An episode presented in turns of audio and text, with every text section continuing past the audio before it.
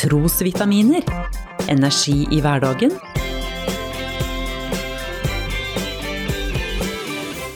Ved Norea-pastor Svein Anton Hansen.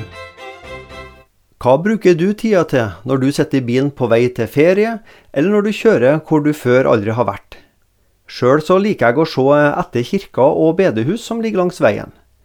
Under en ferietur i vårt langstrakte land fanga et bedehus ved veien oppmerksomheten min.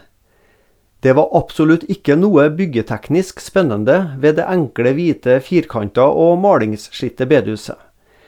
Men på langveggen mot veien sto det et skilt med følgende tekst Parkering forbudt.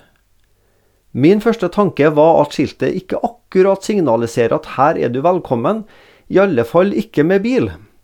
Bedehusstyret hadde sikkert gode grunner for å sette opp skiltet. Jeg ble tenkende på skiltet 'Parkering forbudt' mens vi fortsatte kjøreturen mot feriemålet.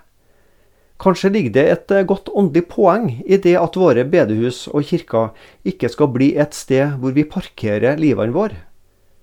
Jeg er også en av dem som trives særs godt med kristne møter og gudstjenester.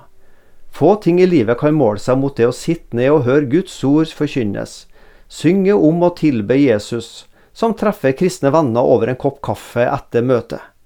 Her er det godt å være, her kan jeg godt tenke meg å bli lenge, lenge. De første kristne i Jerusalem trivdes også særs godt i hverandres selskap. Jesus hadde bedt dem gå ut i all verden og gjøre alle folkeslag til disipler. Den hellige ånd hadde de også fått til hjelp i misjonsoppdraget. Men de ble sittende i Jerusalem. Faktisk måtte en forfølgelse til for å spre de kristne som hadde begynt å parkere livene sine ved datidens bedehus. I apostlenes gjerninger så skriver Lukas om tida etter forfølgelser. De som nå var spredt omkring, dro rundt og forkynte ordet. Nå ble det fart i sakene.